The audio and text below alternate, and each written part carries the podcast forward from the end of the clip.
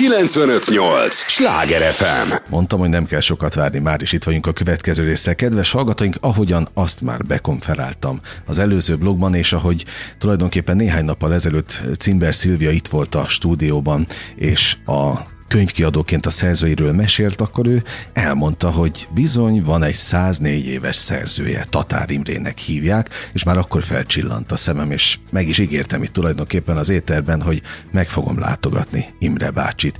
Hát az ígéret szép szó, és szerencsére be is tarthattam, Szilvi segített, és itt ülök, kedves hallgatóink, Buda egyik elit utcájában, Tatár Imre lakásában, 104 éves a könyvszerző, mert hogy egy íróról van szó, abszolút csúcstartó és abszolút kuriózum, hogy valaki ennyi idősen könyveket ad ki, viszonylag aktívan, és még most is egy könyvön dolgozik. Nagyon köszönöm a bizalmat, hogy itt lehetek, és ezzel a, a hallgatók is itt lehetnek. Nem tudom megkerülni, és nézze el nekem a közhelyes kérdés, de egy ilyen szituációban talán pont, hogy felszabad tennem, hogy csinálja.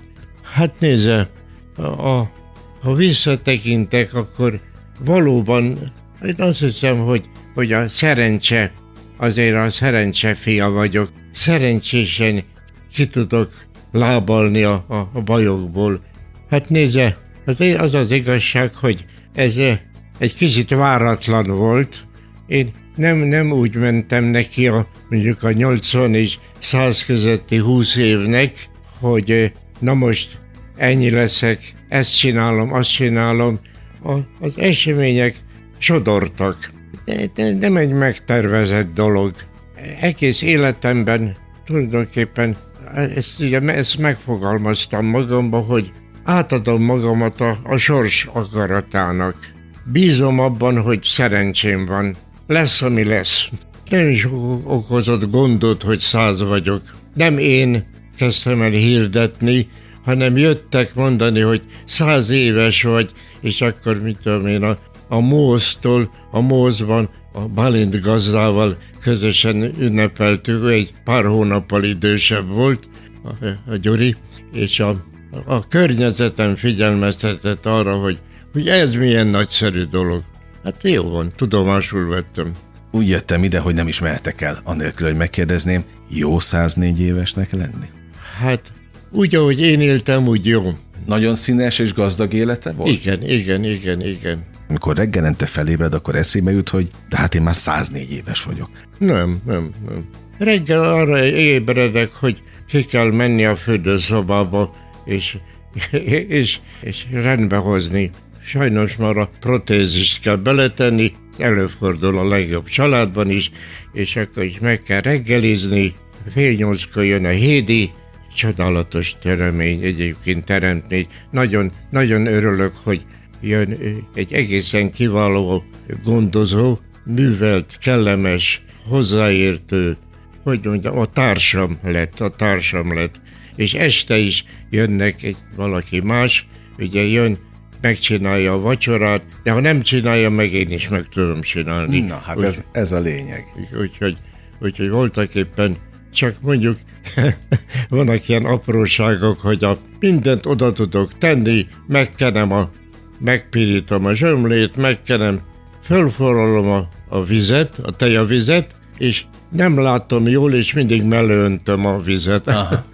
Annyi baj legyen. Ennyi, ennyi baj, ennyi, ennyi, ennyi, belefér. Ennyi, ennyi van, úgyhogy már a hétig kitalálta, hogy mindig tatárúr vagyok.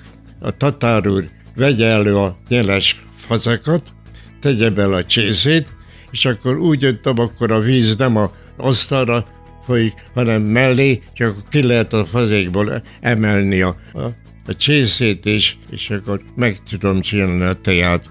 Mondjuk ez a egy kicsit ilyen látás, hallás, eh, zavarok, milyen készségeket fejleszt ki. Ugye a valamelyik nap van egy kis kulcs leesett a földre. Na mostan láttam, hogy hol van, de vigyázni kell, nem, nem tudok nagyon lefo- lehajolni. Hajolni. És hajolni. akkor fogtam magam, odalöktem egy széket, leültem a székre, lehajoltam, felemeltem a kulcsot, meg volt oldva a dolog. Aha. Hát ilyen apróságok vannak, ugye a színesítik az életet, de egyelőre és az igazság, az, őszintén szólva törekszem arra, hogy meg tudjak állni a lábamon. Nem akarok semmilyen intézetbe menni, vagy ilyesmi. Én, ez az én lakásom, ki akarom mondani, hogy itt akarok meghalni. Imre bácsi, őszintén kérdezem, hogy élete során belegondolt abba, egyáltalán foglalkozott azzal, hogy vajon majd meddig él? Nem, nem, soha nem foglalkoztatott. De egyáltalán? Egyáltalán nem, és a, lehet, hogy hiba. Nem úgy tűnik, hogy hiba lenne. A 80 éves koromig ugye bejártam a magyar nemzethez, ha igaz, hogy csökkentett lendülettel, mondjuk éjjeli ügyeletet nem vállaltam. Az életem központjában mindig volt, mit, mit tudok csinálni. Máig is ez van, úgyhogy az alkotás az, az még, még úgy tekintem magamat, mint szerző. Akkor száz éves lettem, a Mózban az aranytól után megkaptam a vastollat, én vagyok a legidősebb új, élő újságíró. Hát, meg is válaszolta tulajdonképpen a kérdést, hogy mi az, ami konzerválja, vagy frissen tartja, hát maga az alkotás öröme és folyamata. Hát ha csak ránézek a könyvére, már, már, már önbizalmam támad. Úgyhogy biztos, hogy mondjuk, ha van olyan kedves történész barátnőm, aki el szokott jönni, csak ha lemegyünk kávézni, lemegyünk kávézni. Ugye? Ja, hogy még ez is van, hogy lemegyünk kávézni, 104 évesen. Hogy telik egy napja általában? Mi a menetrend? Hát nézze, sajnos egy könyvet olvasni nem tudok, hallgatom a rádiót, vagy örülök, hogyha jön valaki, és akkor, akkor beszélgetünk, néha gondolkozom is. Ezek szerint akkor ma már az alkotói folyamat úgy zajlik, hogy Imre bácsi diktálja a szöveget, ami a fejében van? Hát nézze, én most nem merném azt mondani, hogy megbíznának még egy könyvírásával, hogy azt mondanám, hogy, hogy oké, okay, az utóbbi időkben hát eh, egy kicsit erősödtek ezek a kellemetlen úgynevezett mellékhatások, ugye a hallászavar, a letászavar, ugye a látás egyébként az embert ilyenkor még ilyen kicsit ilyen, hogy mondjam, csak meg, nehezen megválaszolható kérdések is el, elfoglalják, izgatják, hogy ugye voltam a szememben a szemorvosomnál, aki azt mondta, hogy azért romlott most egy kicsit a, a szemem, mert ez a jobb szememen van egy szürke hájog, és az, az, az erősödött. Ugye itt makula van, itt szürke hájog, és akkor megkérdeztük, hogy hogy hát azt mondta, de az a kérdés, hogy a szem befogadja a műanyag betétet, vagy nem. És azt mondta, hogy 30%-os kockázat, akkor még egy picit jobban is láttam, és a, végül is a család úgy döntött, a fiammal meg, meg, meg az unokámmal megtárgyaltuk, hogy amíg aránylag elviselhetően látom a dolgokat, addig ne menjünk neki, hogyha majd olyan lesz a szemem állapota, hogy mindenképpen meg kell kockáztatni, akkor majd megcsináljuk. Na ilyen dolgokat egy kicsikét megzavarják az alkotói lendületet, de egyelőre ugye örülök, hogy ilyen beszélgetésben részt vettek, mint most itt együtt ülünk, a, és a, a Sláger Rádiónak a irodalmi csatornájának a része lehettem, és eh, főleg örömmel is várom a, a negyedik könyvnek a megjelenését. Napló 56 fogságból fogságba és ködalakok. Ez az a három könyv, amely abszolút még aktuálisan kapható a válogatott könyvek.hu oldalon. Érdemes sietni egyébként, mert gyorsan fogynak, szerencsére Tatár Imre egy nagyon népszerű szerző, és biztos vagyok benne, hogy majd az új könyv is legalább ilyen népszerű lesz. Milyen állapotban van most a kézirat? Hol tart a munkafolyamat? Gyakorlatilag készen van. Négy barátnak köszönhetem. Az egyik, én összeszedtem a, a dossziékból azokat a, volt egy alapgondolatom eredetileg, hogy a, hogy a a csúcs találkozók korát írjuk meg, tehát azokat a csúcs találkozókat, amelyek úgy bevonultak a tör, történelembe. Igaz, hogy ma is vannak, de hát mit tudom én, amikor Khrushchev végig mosolyogta Észak-Amerikát, vagy a Nixon végig mosolyogta a Szovjetuniót, ugye ezek különleges, de hát azt mondták a fiúk, hogy akkor ne ez legyen a címe, jó, de hát mégis meg, meg akartam örökíteni azokat a kiváló államférfiakat, akik az én újságérő koromban ugye meghatározták a, a politikai atmoszférát. De ez úgy történt, hogy a dossziéban ott voltak azok a cikkek, tudósítások, amelyeket én akkor, amikor ezek az emberek, tehát a, a Khrushchev, a De Gaulle, a Willy Brandt, egészen a, a Gorbacsovik, ugye? Akkor ezek, erről a témáról írtam, a fiúk segítségével kiválasztottuk az anyagokat. Az a szerencse, hogy én a világot mindig nyakamban a fényképezőgéppel jártam. Úgyhogy elég sok olyan felvételt készítettem, amely ma már valószínűleg kuriózum. Itt tudom én, mikor Khrushchev Titónál volt, és ott ültek az asztalnál, és írták alá a bocsánatkérésnek a Na, ott voltam a visszavonásnál, lefényképeztem. Ugye, az, ez az én felvételem, és egy olyan, amit van erről hivatalos kép is, de ez az én ez az én képem. És a negyedik könyvnek a kiadójával, a Szilvivel, és azt mondta, hogy minél személyesebb legyen. És akkor elkezdtem gondolkozni, és eszembe jutott négy ötlet, az agyamban megfogalmaztam, és az a, az a gondozó hölgynek, a, aki az előbb itt volt, és a kávét felszolgálta, mondtam, hogy Hédi, üljön le, most lediktálom. És Me- ő szépen nagybetűkkel a, a golyóstól leírta, és le tudtam diktálni. A fejemben ott volt a, a frissítés. Azt hiszem, hogy egy, egy sikeres könyvet tudunk még prezentálni, aminek az a mondani valója, hogy kik voltak azok a állam, kiváló államférfiak, függetlenül melyik országból, akik megpróbálták az citok átok helyett valahogy az kerekasztalnál ülve rendbehozni, vagy legalábbis kormányozni a világot. Még idén megjelenik az új könyv? Hát igen, igen. Mellettem ül a, a kiadó az ő kezében van a dolog. Sláger FM a legnagyobb slágerek változatosan, ez továbbra is a slágerkult, amit hallgatnak. Tatár Imre lakásában vagyunk. 104 éves a könyvszerző, mert hogy egy íróról van szó, abszolút csúcstartó és abszolút kuriózum, hogy valaki ennyi idősen könyveket ad ki, és még most is egy könyvön dolgozik. Lehet, hogy furcsa lesz a kérdés, de ha már kigondoltam, megkérdezem, 104 évesen mennyi könyv van még az ember fejében? Egy könyv van még a fejemben, mégpedig a, aminek az lenne a cím, hogy anekdóták. Mert még mindig annyi ilyen apróság van az emléktárba, hogy ha egyáltalán, hát nem biztos, hogy fizikailag meg fogom tudni oldani a dolgot, de még, még a fejemben vannak ilyen az apró, apró események. Elmondok egyet, jó? Mire gondolok például?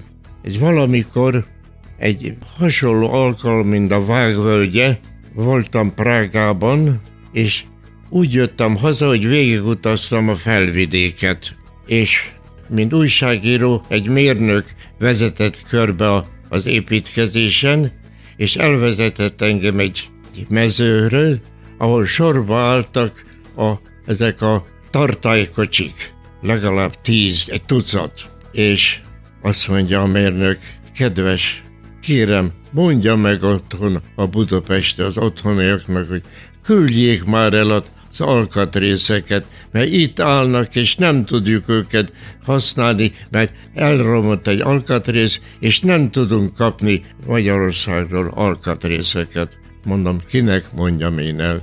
Fölvillantotta a szocialista gazdaságnak azt a óriás hibáját, amiről később a, a Korna János könyvet írt, hogy tervteljesítés mindig a kézárutra vonatkozott, ugye a, az alkatrész gyártását mindig elhanyagolták, mert ezt nem jutalmazták a, a terv teljesítés címen. Itt találkoztam a szocialista gazdaság egyik nagy gyengeségével, ott lát, még máig előttem sorba állnak a tartálykocsik bénán. Nincs alkatrész. Aha. Melyik könyvét szereti a legjobban? Az első.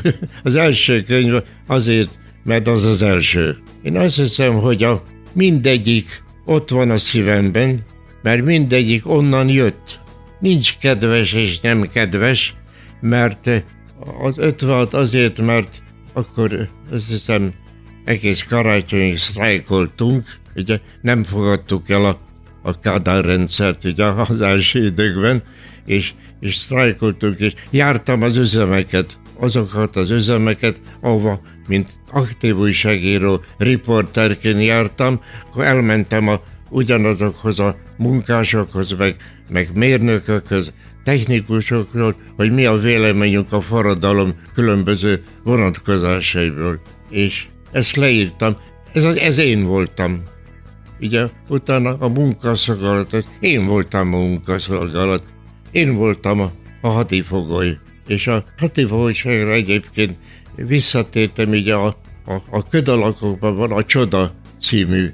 Az egy csoda, csoda volt.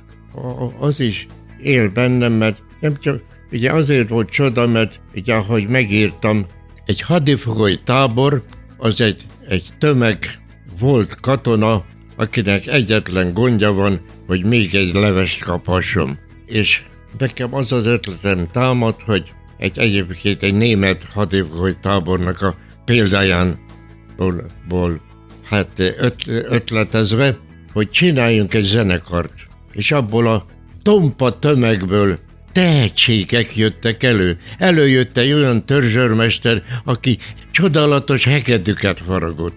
Előjött egy német fiú, aki Budapesten végzett a Zeneakadémián, és betanította nekünk a zeneszámokat. Előjött egy magyar, egy kiskörösi Borbé, egy, egy berlini Schuster, akik kiválóan hegedültek, akinek a hegedűt az a csodálatos hekedőt csinálta a Bagdi törzsörmester, és ők meg remekül játszottak, és a, a német fiúnak a segítségével megszerveztük a zenekart, és a tompa tömegből egy kultúr érdeklődő tehetségeknek a, a hordozója és a zene iránt érdeklődő emberek lettek. Ez olyan emlék, ami, ami nem lehet kitorolni, de ez biztos, hogy azért adtam ennek a címet, hogy a csoda. A csoda? Na hát nem véletlenül mondta a csodát Imre bácsi, az is egy nagy csoda, hogy itt ülünk. Rendkívül termékeny, szerző. Hadd mondjam el akkor ezt a, a, a termékenységről, hogy az írást, az újságírást és a könyvírást egybe foglalva, miután hazajöttem a hatifogságból, hát eh, újságíró lettem, és Írtam könyveket aktív újságíró koromban is. Ezek a könyvek azonban mindig az aktuális eseményeket foglalták össze. És amikor 80 éves koromban hát abba hagytam az aktív újságírást, akkor, akkor nem az eseményekről, hanem az én, szer, én sorsom az eseményekben lett a könyvnek a könyveknek a témája. 56-ban én hogyan éltem át az 56-ot, a munkaszolgálatot, én hogy éltem át a hadifogságot, én hogy éltem át, és a ködalakoknak azért van a szokásosnál egy kicsit nagyobb síri, sikere, mert nagyon sok érdekes apróság, vagy rövides, rövidebben megírható esemény történt az ember életében. Rengeteg érdekesség, rengeteg poén, ad a sors, és ezt foglaltam össze a ködalakokban. Van, van olyan, amelyik egy fél oldal, van amelyik tíz vagy húsz oldal, de nem könyv, hanem az életet színesítő sok-sok apróság. Bevallom, hogy nem, nem egészen, hogy úgy mondjam, nem úgy ülök, ültem le egyik vagy másik könyvhöz, hogy én most ezt a ilyen módon akarom a, a múltat ábrázolni, hogy mondjam, belülről jött az inger, jöttek az ötletek, és ez így jött ki belőlem. Az az igazság, hogy, hogy nem úgy ülök a könyvhöz, hogy na most pontosan tudom, hogy, hogy mi lesz belőle, leülök, elkezdek írni, és így sikerül. De pont ez a jó benne, hogy nagyon ösztönös, és ez átjön a sorokon. Azt hiszem, most... ezért lehet friss. Nem kimódolt, hanem egy életnek a, hogy mondja, a gazdag forrása egyszer jön ki belőlem.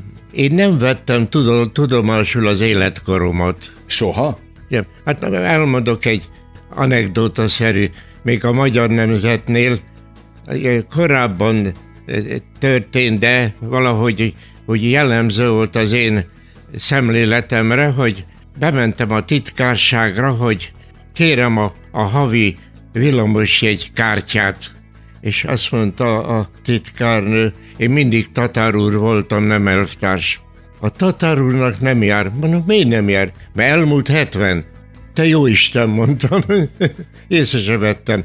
De így volt ez a 80 éves koromban. Addig dolgoztam ugye a Magyar Nemzetnél, és akkor ott voltak különböző konfliktusok, és gondoltam, hogy 80-es korban illik már a, a, a mindennapi munkától elbúcsúzni, és akkor jött egy néhány pár, olyan néhány esztendő, amikor az ember úgy kicsit körülnéz, hogy na most mi van, és akkor kapcsolatba kerültem a hadtörténeti múzeummal, hadtörténeti intézettel, és nekik kezdtem el dolgozni, mint a háborús eseményeket, nem érdekelte őket. Itt is, itt vannak, a, írtam három vagy négy tanulmányt a, a, a katonai iroda, folyóiratban, és így léptem a, a hosszú, hosszabb lélegzetű, visszaemlékező műfajokba,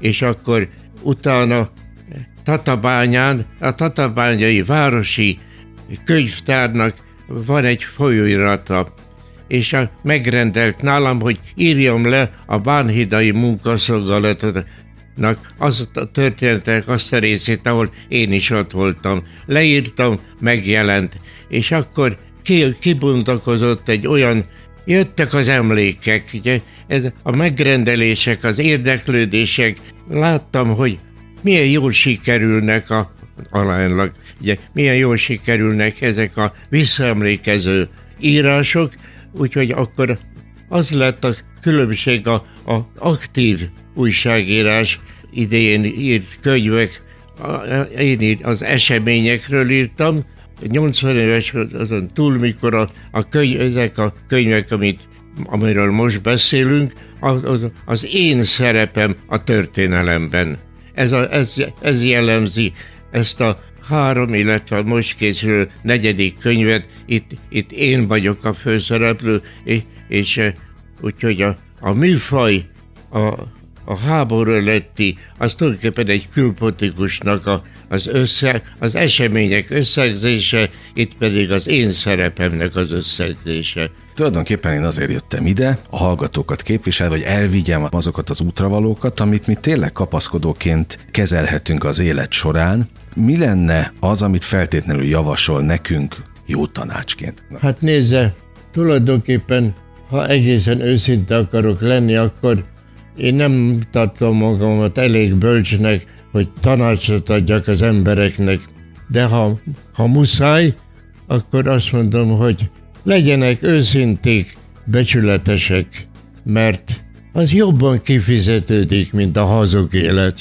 Szívből köszönöm. Végszónak ez nekem tökéletes. Azt gondolom, hogy most olyan útravalókkal gazdagodtunk a hallgatókkal együtt, ami nem hogy mindennapi, hanem igazán kuriózum, úgyhogy bíztatok mindenkit, hogy majd hallgassa vissza ezt a műsort, amikor csak rosszabb napjuk van, és szeretnének kapaszkodót kapni, mert egy 104 éves embertől abszolút lehet, ráadásul egy olyan 104 éves embertől, akit hallották, pontosan ilyen szellemi állapotban van. Úgyhogy ezért is jó ez a műsor, és ezért is örülök annak, hogy, hogy a műsorvezetője lehetek, hogy egy ilyen csodás találkozás most létrejöhetett. Köszönöm szépen a, a figyelmet és a kérdéseket. Kedves hallgatóink, most megköszönöm önöknek is a figyelmet és a bizalmat, bezárjuk a slágerkult kapuját, de holnap ugyanebben az időpontban ugyanitt újra kinyitjuk. Élményekkel és értékekkel teli perceket, órákat kívánok mindenkinek az elkövetkezendő időszakhoz is. Engem Esmiller Andrásnak hívnak, vigyázzanak magukra. 958! Sláger FM!